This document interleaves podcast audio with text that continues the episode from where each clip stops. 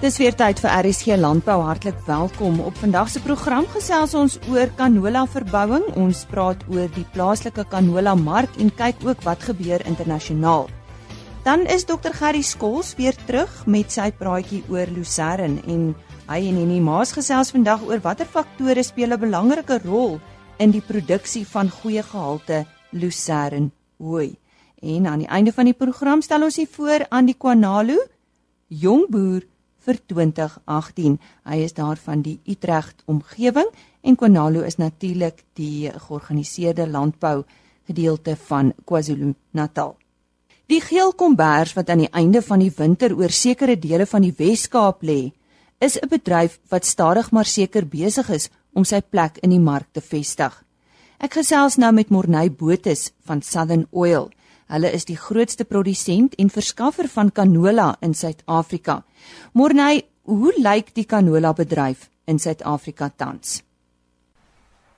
Nee, die die bedryf is eintlik baie gesond. Dit is heidaglik in in 'n ontwikkelingsfase uh en die oes wat omtrent so 100 000 tonne jaar is. Ehm um, dit word heidaglik geoes nou in Oktober, November die die fokus is werklik maar om die en die om die industrie en die eindverbruiker te groei en hulle in kennis te stel van die voordele en as hulle die voordele weet dan kan die bedryf nog verder groei. Hoe gewild is canola olie internasionaal teenoor ander saadolie soos byvoorbeeld soja of uh, sonneblom? Nee, internasionaal is canola een van jou jou meer gewildste saadolies. Dis die tweede grootste na soja waar soja primêr geproduseer word vir die proteïene terwyl canola een van jou beste oliebevattende sade is vir menslike gebruik. Nou daar's 'n wanpersepsie dat canola 'n genetiese gemodifiseerde gewas is. Is dit waar? Nee, soos enige gewas deesdae kan alles geneties gemodifiseer word, maar die canola lokaal in Suid-Afrika is nie geneties gemodifiseer nie. Dit is maar met kruisbestuiving gekweek tot die gewas wat dit vandag bestaan as canola. Ons gesels vanoggend met Morney Botes, hy is kommersiële direkteur by Southern Oil. Morney, canola groei in die Wes-Kaap wat onder die droogte gebuk gegaan het. Hoe raak dit die canola oliemark? Ja, die canola was maar ehm um, of die die area was maar onder onder druk gewees en die droogte was nie ideaal nie, maar vir vir ons is dit maar belangrik dat ons op die regte tye reën kry.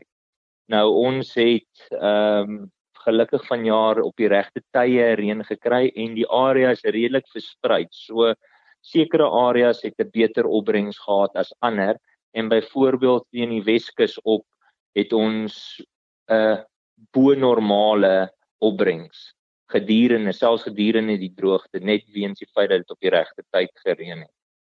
So wat is die toekoms van eh, canola olieproduksie in Suid-Afrika? Dis rooskleurig. So ons is heidaglik as ons gaan kyk na die aanvraag, is die aanvraag redelik uh positief. Dit is hoër as verlede jaar en die die verbruikers wat meer ingelig word en meer toegang het tot inligting maak die keuses om te gaan na 'n meer gesonder produk en dit lei daartoe dat ons vir die boere kan 'n alternatief gee wat daartoe lei dat hoe meer aangeplant word, hoe meer olie is daar, hoe meer kan ons aan die mark verskaf. So dit is redelik positief. So dink julle dat die mark moontlik in lyn sal beweeg met die internasionale mark waar eh, canola olie meer gewild is onder verbruikers? Dis geleidelik besig om daai rigting te gaan. Suid-Afrika is maar geskiedkundig 'n uh, sonneblommark. So uh, dit gaan 'n tydjie neem, maar as ons in die rigting beweeg, geleidelik sal ons daar kom.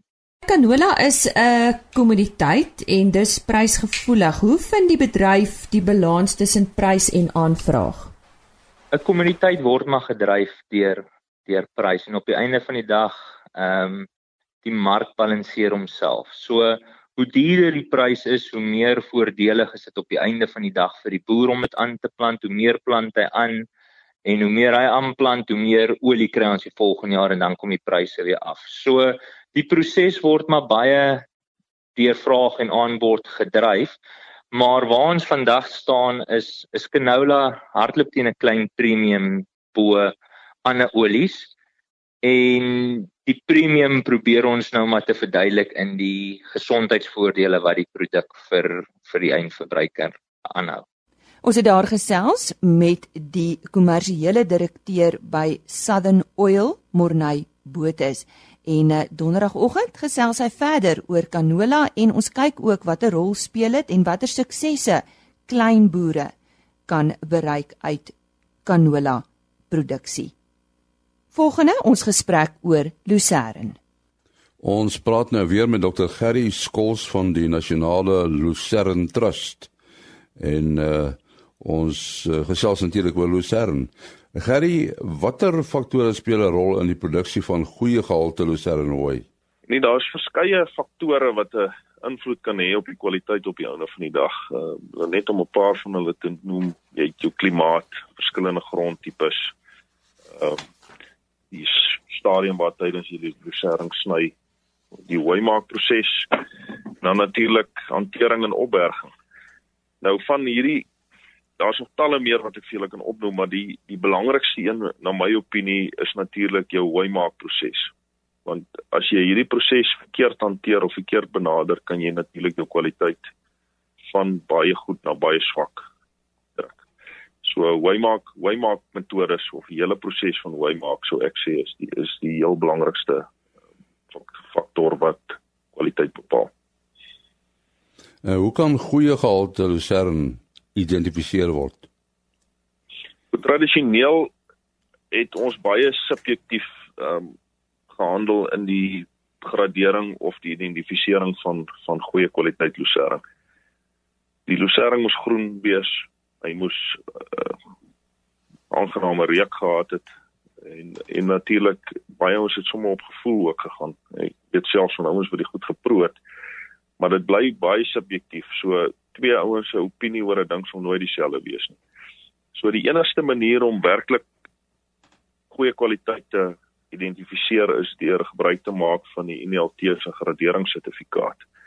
En daar kyk ons chemies na die na die produk met ander woorde daar word 'n fisiese ontleding gedoen deur middel van NER en dan is daar natuurlik ook 'n visuele komponent om die vreemde materiale en ehm um, tekens van oormatig verhitting ensovoorts identifiseer.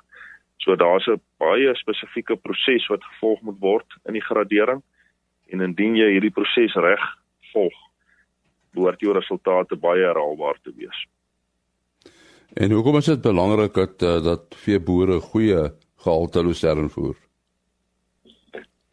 Goed, eerstens as ons gaan kyk na kwaliteit en die definisie van kwaliteit, verwys dit altyd terug na jou produksiepotensiaal. Aan die ander woorde, jy wil weet wat is jou potensiële produksie wat jy uit hierdie produk uit kan kry. Nou ons sit ons veeboere werk met herkouers. Nou soos julle weet, 'n herkouer het het 'n rumen met 'n beperkte kapasiteit. Dit wat dit wat jy ook al vir die dier ingee, wil jy so gekonsentreerd as moontlik hou, veral as dit kom by jou hoë produserende diere. Die oomblik as jy nie weet wat jy insit nie, dra jy by tot die ongebalanseerdheid van daai rantsoen. So deur te kompenseer daarvoor moet jy weet wat jy insluit. Indien jy met 'n hoë produserende dier werk en jy sou 'n swakker kwaliteit hooi insit, moet jy moet jy dit kompenseer met kragvoer en dit raak net moeilik as gevolg van die beperkte kapasiteit wat ons met die met die rumen het om dit dan reg te maak met 'n kragvoer. En hoeveel verskillende lucerne saadkultivars is daar? Nee, op hierdie stadium is daar 24 uh gelyste kultivars op die Suid-Afrikaanse variëteitslys waarvan twee plaaslik geproduseer word. En hulle wissel natuurlik van 'n dormansie groep 6 tot 'n dormansie groep 11. En die voedingswaarde van die verskillende kultivars, uh hoe verskil dit? Die voedingswaarde as selfs kan nie noodwendig toegeskryf word aan die spesifieke kultivar nie. Ehm um, soos ek sê kwaliteit is normaalweg sinoniem met met blaarretensie. Met ander woorde, hoe meer blare jy in die produk kan kry, hoe hoër gaan jou kwaliteit wees. En dit verwys weer direk terug na die waymark proses. Soos wat ek vroeër ook genoem het, jy kan die hele proses reg hanteer. Die die produk verkeerd sny of jou harke is verkeerd gestel of jy kan dalk jou balers op 'n verkeerde tyd baal en dan verloor jy al jou blare. En dit kan dit kan dan lei tot swakker kwaliteit. So die waymark proses oorskadu enige ander faktor wat moontlik 'n bydrae kon maak tot kwaliteit. So op, as jy my opinie sou vra op hierdie stadium gaan gaan uh, kwaliteit die verskillende kwaliteite nie noodwendig verskillende um, of die verskillende kultivars kan nie noodwendig vir jou verskillende kwaliteite oplewer nie. Hoe werk die hooi maak prosedures by Lucerne? Normaalweg in die tradisionele Lucerne hooi gebiede um, sny die boere tussen 21 en 30 dae. Nou jy kry twee tipes snyers. Jy kry 'n snyer kneuser wat hulle noem, met ander woorde nadat jy hom gesny het, kneus uit die stam. Dit help net bietjie om die waslaagie te breek sodat jou stamme kan vinniger droog raak of jy kry dan net jou jou tradisionele snyer wat bloot net jou produk sny. Daarna sal jy tipies die produk los vir 'n dag of twee. Weer weer eens hang dit van die seisoen af en dit hang van die tyd van die jaar af sodat die produk kan verwelk en van die vog kan ontslaa raak. Want jy moet onthou, jy jy wil hierdie produk probeer in die bal kry teen 'n vogpersentasie van tussen 12 en 14%. Nadat jy hom so so nadat jy hom gelos het dat hy ruk verwelk het, gaan jy die gesnyde gedeelte dan saam hark. Weereens is daar verskillende tipe harke wat jy kan gebruik en jou hark is ook een van jou belangrikste uh, stuk toerusting om kwaliteit te kan verseker soos met hark het jy met jou bal proses wat daarna volg ehm um, slegs 'n vensterperiode om dit reg te doen. As jy te vroeg begin hark of bal of te lank aanhou hark en bal, kan jy weer eens van jou blare verloor. Soos wat ek voorheen ook genoem het, blare tensie is maar sinoniem met produksiepotensiaal of kwaliteit. Op jou bale dan kry jy ook verskillende tipes balers. Jy kry jou ronde baler wat in 'n omgewing van 250 300 kg weeg. Jy kry jou klein kleiner balkies tussen 25 en 30 kg en dan kry jy natuurlik jou groot bale wat ook wissel enigiets van 400 tot 750 kg afhangende van die soort bale wat jy gebruik. Uh vertel 'n bietjie meer oor die praktyke wat 'n mens moet gebruik as dit by die stoor van Lucerne kom. En wat baie interessant is van van Lucerne mits jy die produk in die regte voginhoud kan stoor, uh is daar geen verlies in kwaliteit oor tyd nie. Met ander woorde niks kan weggeraak nie. Wat net baie belangrik is is dat jy die produk weg moet hou van die elemente af, so jy moet hom uit die son, wind en weer uithou. Uh dit soos wat ek al reeds genoem het, die korrekte vog is ook belangrik. Indien jy die produk sou stoor teen 'n te hoë vog, kan dit aanleiding gee tot 'n uh, chemiese reaksie in die bal wat of die bal kan bederf in die vorm van muf of mikotoksine wat kan vorm of dit kan dit selfs hierdie tipiese tabakreuk gee. Dit is wanneer jou temperature regtig begin hoog raak. En dan die ergste wat kan gebeur is, is dat hierdie bale spontaan in die brand kan slaan. So dit is nogal belangrik dat jou voginhoud goed gemonitor moet word voordat jy hom stoor. En dan is dit ook altyd raadsaam om om die produk op 'n sementvloer te stoor sodat jy nie kontaminasie met grond kry nie. Daar is goed so termiete wat ook uh, die lucerne kan vernietig indien jy dit vir 'n baie lang periode in 'n stoor verberg. Ja, ons hartlike dank aan Dr. Gerry Skols van die Nasionale Lucerne Trust. Dis nou tyd vir ons weeklikse wolmarkverslag en soos altyd aangebied deur Jolandi Root. Die wolmark het die week verder teruggesak en die Cape Wools Marina aanwyser daal met 2,3% en 533 punte om te sluit teen 'n waarde van R223.95 per kilogram verskoon wol. Die Australiese EMI daal ook met 1,5% die week. Die Cape Wools alle wol aanwyser daal met 2,4%. Die wolmark het gedaal vanweë 'n middelmatige markvraag na lang en fyn merino wol ten spyte van 'n effens sterker rand. Pryse het oor alle mikrongroepe gedaal en die fyn sowel as sterker deel van die mark het die grootste verliese aangeteken. 96% van 'n relatiewe groot veiling is verkoop. Modiano het die meeste bale op die veiling gekoop. Altesaam 97,6% van die 7653 bale wat op die veiling aangebied is, is verkoop. Die grootste kopers op die veiling was Modiano met 2804 bale, Standard Wool SA met 1576 bale, Tianyu SA met 1424 bale en Stucken & Company met 889 bale. Die gemiddelde skoonwolpryse vir die seleksie binne die verskillende mikronkategorieë goeie langkamwoltipes was soos volg: 18,0 mikron daal met 3,6% en sluit teen R264,86 per kilogram. 18,5 mikron neem af met 2,2% en sluit teen R256,60 per kilogram. 19 mikron verlaag met 2,9% en sluit teen R246,60 per kilogram. 19,5 mikron verswak met 2,0% en sluit teen R244,13 per kilogram. 20 mikron is 2,9% af en sluit op R230,85 per kilogram. 20,5 mikron is 3,4% swakker en sluit op R225,91 per kilogram. 21,0 mikron verlangsaam met 2,3% en sluit op R230,60 per kilogram. 21,5 mikron het 3,2% afgeneem en sluit op R221,98 per kilogram.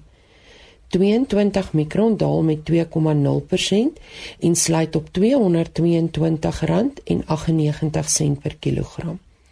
22,5 mikron is 4,0% swakker en sluit op R225,24 per kilogram. Die volgende veiling vind plaas op 10 Oktober wanneer plus minus 6323 bale aangebied sal word. Ons sê dankie aan Jolande Rood en sy het vir ons die nuutste wolpryse deurgegee en dit is pryse wat behaal is by veilinge daar in Port Elizabeth.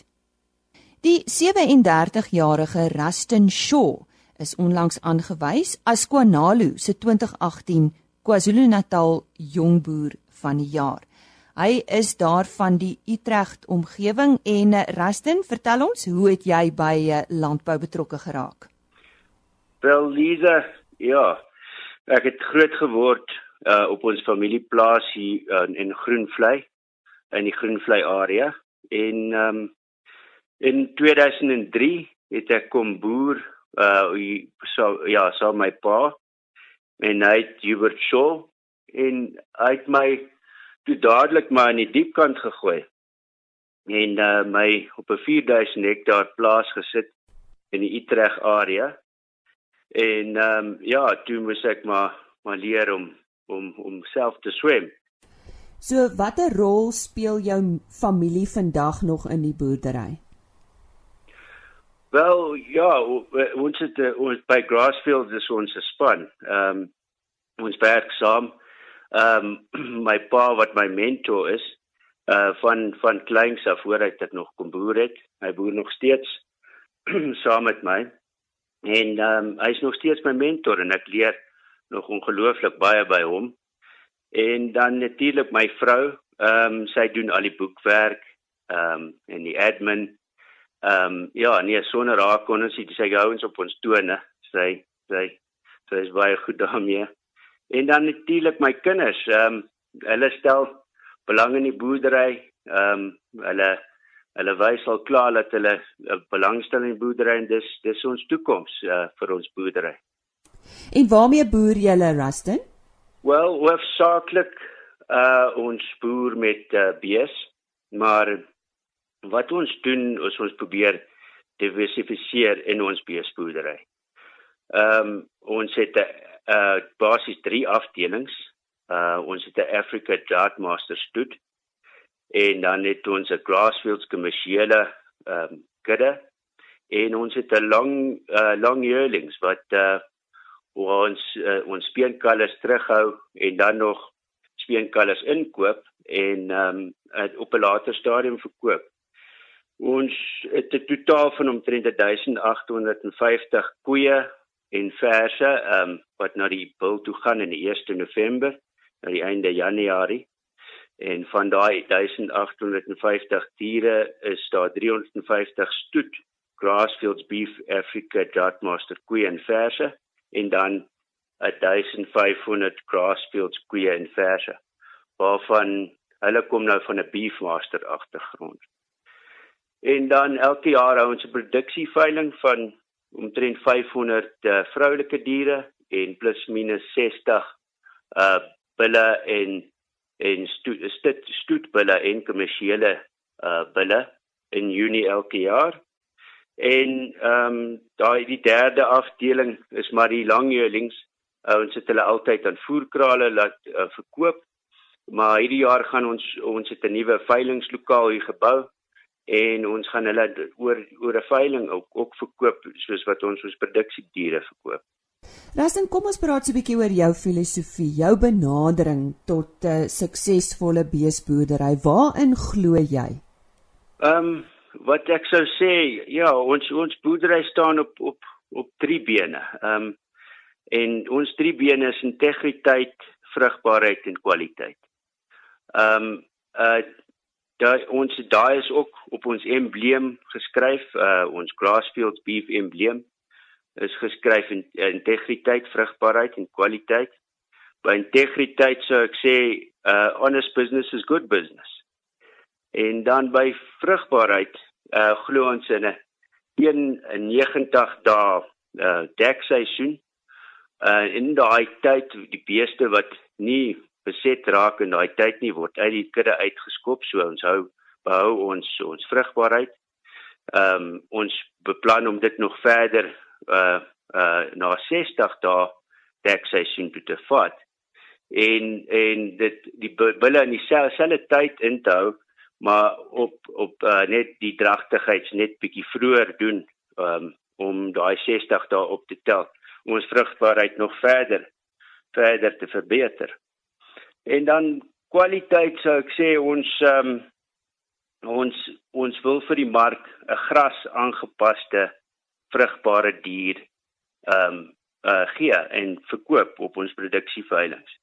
Ek glo glad nie in uh in oorvoerde beeste nie uh wat nie by die volgende man gaan presteer nie wat goed lyk op die veilings wat nie wat dan daarna toe na die volgende ou toe gaan en uitmekaar uitval. So die beeste moet aangepas wees vir vir jou omgewing en vir en op gras. En as gevolg van van hierdie drie bene Ehm um, waarvoor ons boerdery staan, ek dink dit dit maak ons boerdery sukses. Nou jy het op 'n paar uh, beeste besluit onder andere jou drought masters, hoekom juis op hulle? Wat wat wat is jou rede daarvoor? Wel Lise, ag ek ek ek glo nie daar's 'n wonderras nie. Ehm um, daar's geen wonderras nie, maar die rede hoekom ek van die drought master hou is van is omdat hulle hulle be, hulle beleid ehm um, hulle glo in, in generasies. En ons wat die van die ras is glo in generasies. En met generasies kom voorspelbaarheid. En ehm um, dis nie net dat die wetenskaplikes dit sê nie ehm um, ek sien dit ek beleef dit hier op die plaas. Die kalvers wat van die van die stoet af kom is ver meer ehm um, voorspelbaar. En en en ja dan ek dink die draadmaster het uh, verseker die gewigte vir my vir die speengewigte van my beeste verbeter. Ehm um, die feit dat uh, die draadmaster rooi dier is wat gesog is in ons land. Ehm um, en dan persoonlik ek ek glo ek ek hou baie van 'n indicus tipe dier en die draadmaster kom van 'n indicus agtergrond en die gee ook vir jou hardheid en dis basies uh, hoekom ek in die draadmaster glo. Ras en ek weet as dit kom by die beoordeling van die uh, nasionale jongboer dan kyk hulle na jou gemeenskap en jou georganiseerde landbou betrokkenheid. Vertel ons bietjie daarvan.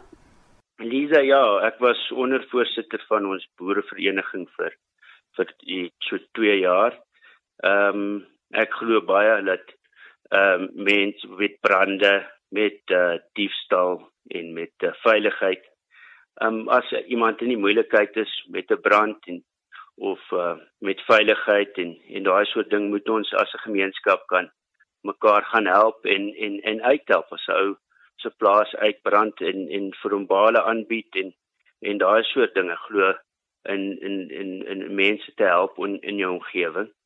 En ehm um, ek was uh ek is 'n lid van Konalo vir die laaste afgelope 15 jaar en ook daarbey natuurlik die RPO. Om jy af te sluit en op 'n ligter noot, as jy nie boer nie, het jy enige ander belangstelling? Het jy tyd daarvoor? Wel ja, ek ek ek's lief vir visvang, hè. Ehm um, ek gaan ja, dis dis vir my baie lekker as, as oor die naweke met die kinders gaan visvang en vir al ons uh, op vakansie gaan, hou ek daarvan om na die see toe te gaan en in 'n lyntjie daar te gooi. Dit's vir my baie lekker. Die ander stokperdjie wat ek baie van hou is uh is foto's neem van my beeste. ek spandeer baie tyd in die berge met my beeste, neem foto's uh van hulle. Dit help my ook eintlik met die boerdery, um omdat ek nou my my teeling le leer ken en watse kombinasies werk baie goed saam. En um dan dan kan ek teruggaan en en daai spesifieke bil by daai spesifieke koei aanhou sit en want ek weet dis 'n wen resep. Daarby sou ek sê dit help my ook met my bemarking uh van die beeste, daai foto's wat ek neem wat op social media sit en en daai soort dinge het goeie foto's uh trek mense. Dis ook baie belangrik en dis dis 'n dubbel doel. Dis my stokperdjie waarvoor ek lief is en en dan help dit ook met ons boerdery ook ja. Nou die man wat so lekker oor sy boerdery gesels het en sy stokperdjies is die 37-jarige Rustin Shaw van Utrecht en hy's onlangs aangewys as die Kwanalu 2018 KwaZulu-Natal jongboer van die jaar. Ja, nie meer lank nie dan word die nasionale jongboer van die jaar aangewys en dit is op 18 eh, Oktober en dis dan tyd dat ons groet. Ons kuier dan weer môreoggend net so skuins na 05:30. Totsiens. RSG Landbou is 'n produksie van Plaas Media. Produksieregisseur Henny Maas. Aanbieding Lisa Roberts. En inhoudskoördineerder Jolandi Root.